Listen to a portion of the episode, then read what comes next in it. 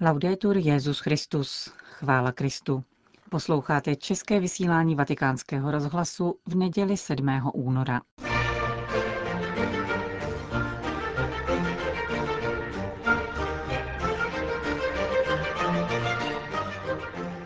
Zastavit válku v Sýrii a odvážit se k vnitřní proměně na obranu života.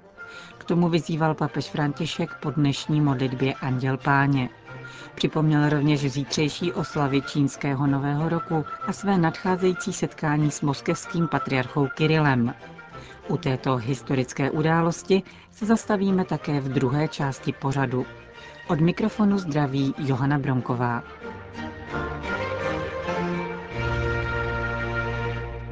Na náměstí svatého Petra se dnes v poledne schromáždilo asi 40 tisíc lidí.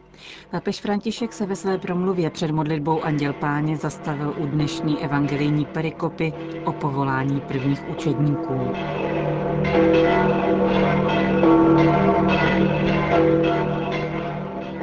Cari fratelli e sorelle, buongiorno. Drazí bratři a sestry, dobrý den. Il Vangelo di questa domenica racconta nella redazione di San Luca Evangelium této neděle nám vypráví v podání svatého Lukáše o povolání prvních Ježíšových učedníků. Dochází k němu v běžném kontextu každodenního života. Na břehu Genezareckého jezera je několik rybářů, kteří po noci marné práce bez úlovku propírají a ukládají sítě. Ježíš vstoupí na loďku jednoho z nich, Šimona zvaného Petr. Požádá jej, aby trochu odrazil od břehu a začíná kázat boží slovo lidem, kteří se v hojném počtu schromáždili. Když domluví, řekne Petrovi, ať zajede na hlubinu a rozhodí sítě. Šimon už Ježíše znal a měl zkušenost se zázračnou mocí jeho slova – proto mu odpovídá. Mistře, celou noc jsme se lopotili a nic jsme nechytili, ale na tvé slovo spustím sítě. A tato jeho víra není zklamána. Sítě se totiž naplní takovým množstvím ryb, že se téměř trhají. Když rybáři vidí takto mimořádnou věc, jsou naplněni nesmírným úžasem. Šimon se vrhne Ježíšovi k nohám a říká, pane, odejdi ode mě, jsem člověk hříšný. Ono zázračné znamení jej přesvědčilo, že Ježíš není pouze obdivuhodný mistr, jehož slovo je pravé a mocné, ale že je pán, že se v něm zjevuje Bůh. A tato blízká přítomnost probouzí v Petrovi silné vědomí vlastní ubohosti a nehodnosti. Ze své lidské perspektivy má za to, že mezi hříšníkem a svatým musí být jistá vzdálenost. Ve skutečnosti však právě jeho hříšnost vyžaduje, aby se od něho pán nevzdaloval, stejně tak, jako se lékař nemůže vzdálit od nemocného. Ježíšova odpověď Šimonu Petrovi je povzbuzující a rozhodná. Neboj se, od nynějška budeš lovit lidi. A galilejský rybář opět dává tomuto slovu důvěru, opouští všechno a následuje toho, kdo se stal jeho mistrem a pánem. A stejně tak učinili také Jakub a Jan, Šimonovi společníci v práci. Taková je logika, kterou se řídí Ježíšovo poslání a poslání církve. Jít hledat, lovit muže a ženy, ne kvůli proselitismu, ale proto, aby byla všem skrze odpuštění hříchů navrácena plná důstojnost a svoboda. Toto je v křesťanství zásadní. Šířit obnovující a nezištnou boží lásku v postoji přijetí a milosedenství ke všem, aby každý mohl najít boží vlídnost a plnost života. Na tomto místě myslím zejména na spovědníky. Oni jsou ti první, kdo mají předávat otcovo milosedenství, následovat Ježíšův příklad, tak jak to dělali také dva svatí bratři, otec Leopold a otec Pio. Il Vangelo di oggi ci interpella. Dnešní evangelium se na nás naléhavě obrací s otázkou. Dokážeme se skutečně svěřit pánovu slovu? nebo se necháváme odradit svým selháním. V tomto svatém roce milosedenství jsme povoláni, abychom těm, kdo se cítí být před pánem jako nehodní hříšníci, sražení vlastními chybami, řekli Ježíšova slova neboj se. Otcovo milosedenství je větší než tvoje hříchy. Daleko větší, neboj se. Kež nám Panna Maria pomáhá, abychom stále více chápali, že být učedníky znamená vkládat svá vlastní chodidla do stop zanechaných mistrem, do stop božské milosti, jež obrazuje život pro všechny. Po společné modlitbě Anděl Páně svatý otec všem požehnal. Sit nomen Domini benedictum, Es hoc nunc et usque in seculum, aiutorium nostrum in nomine Domini, qui fecit celum et terram. benedicat vos omnipotens Deus, Pater, et Filius, et Spiritus Sanctus. Amen. Amen.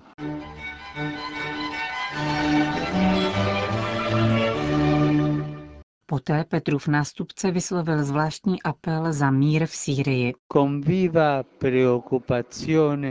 S velikým znepokojením sleduje dramatický osud civilního obyvatelstva, které se v milované Sýrii ocitlo uprostřed prudkých bojů a bylo přinuceno všechno opustit, aby uniklo válečným hrůzám. Chci vyjádřit své přání, aby těmto lidem byla s velkorysou solidaritou poskytnuta pomoc, která je nezbytná pro jejich přežití a důstojnost.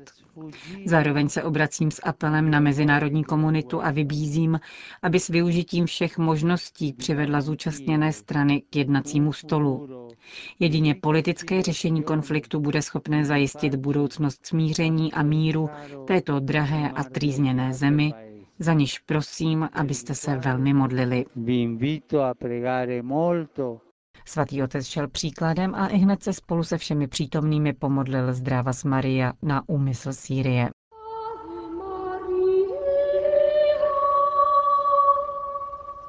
Předtím, než papež František pozdravil přítomné poutníky, připomněl ještě tři události těchto dní. První byl dnešní Den pro život, který se slaví v Itálii na téma Milosedenství dává vzkvétat životu. Připojuji se k italským biskupům s přáním, aby se vládní, výchovné a sociální instituce s novým nasazením angažovaly ve prospěch lidského života, od početí po jeho přirozený konec. Naší společnosti je potřeba pomoci, aby se uzdravila ze všech útoků na život, našla odvahu k vnitřní proměně, která se projevuje ve skutcích milosedenství. Papež František připomněl také zítřejší den modliteb a reflexe proti obchodu s lidmi, který, jak řekl, nabízí všem příležitost, aby pomohli novým otrokům dneška zlomit těžké okovy zneužívání a získali zpět svoji svobodu a důstojnost.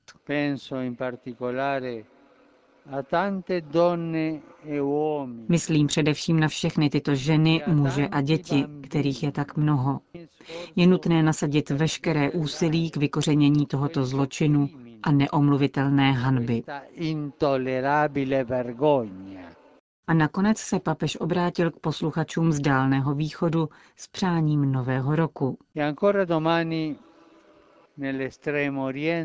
Zítra miliony mužů a žen na Dálném východě a v různých částech světa oslaví lunární nový rok. Chtěl bych jim všem popřát, aby mohli zakoušet pokoj a mír v kruhu svých rodin, které jsou privilegovaným místem, v němž se prožívají a předávají hodnoty lásky a přátelství, dobrého soužití a sdílení, pozornosti a péče o druhého. Kéž nový rok přinese plody soucitu, milosedenství a solidarity. e. Papež František pak vybídl schromáždění k potlesku pro ty, kdo zítra oslaví čínský nový rok a v samém závěru připomněl ještě svoji nadcházející apoštolskou cestu do Mexika. V jejímž rámci, jak řekl, se v Havaně setká s ruským pravoslavným patriarchou Kirilem, kterého označil za svého drahého bratra.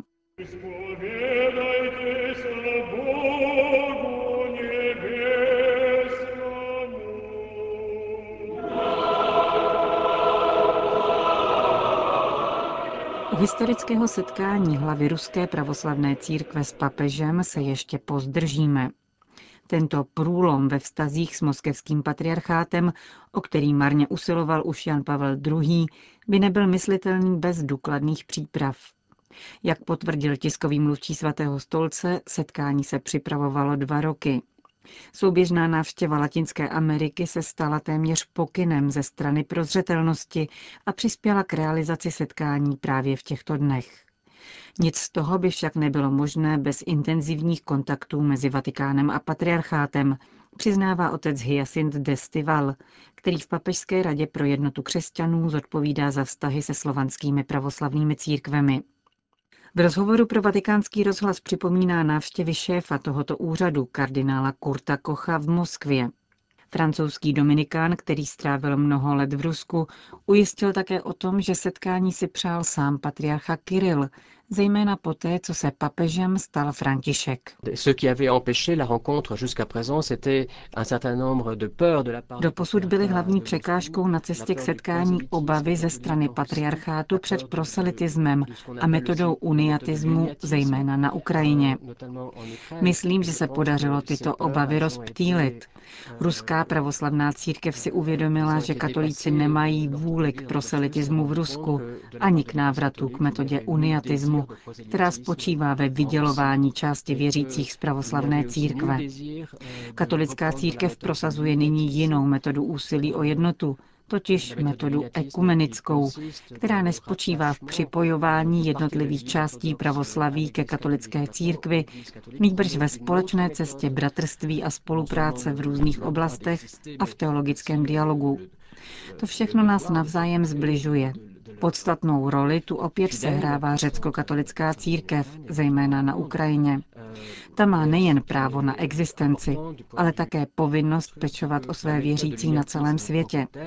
Pro ruskou pravoslavnou církev je však podstatné to, že metoda uniatismu už není považována za metodu katolické církve.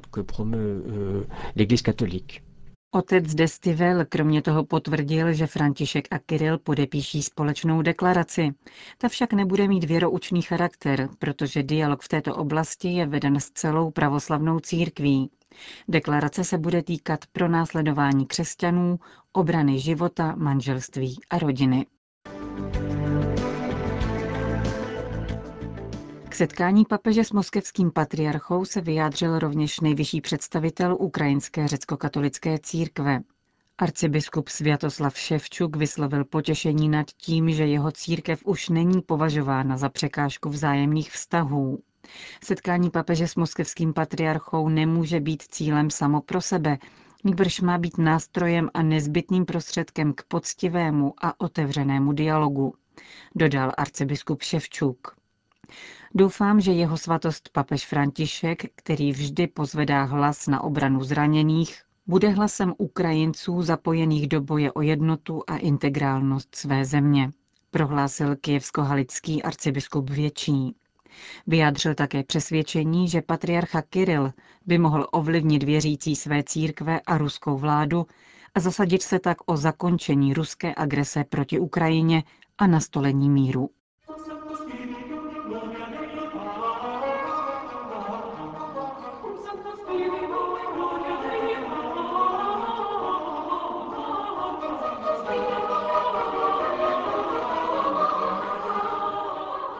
Končíme české vysílání vatikánského rozhlasu.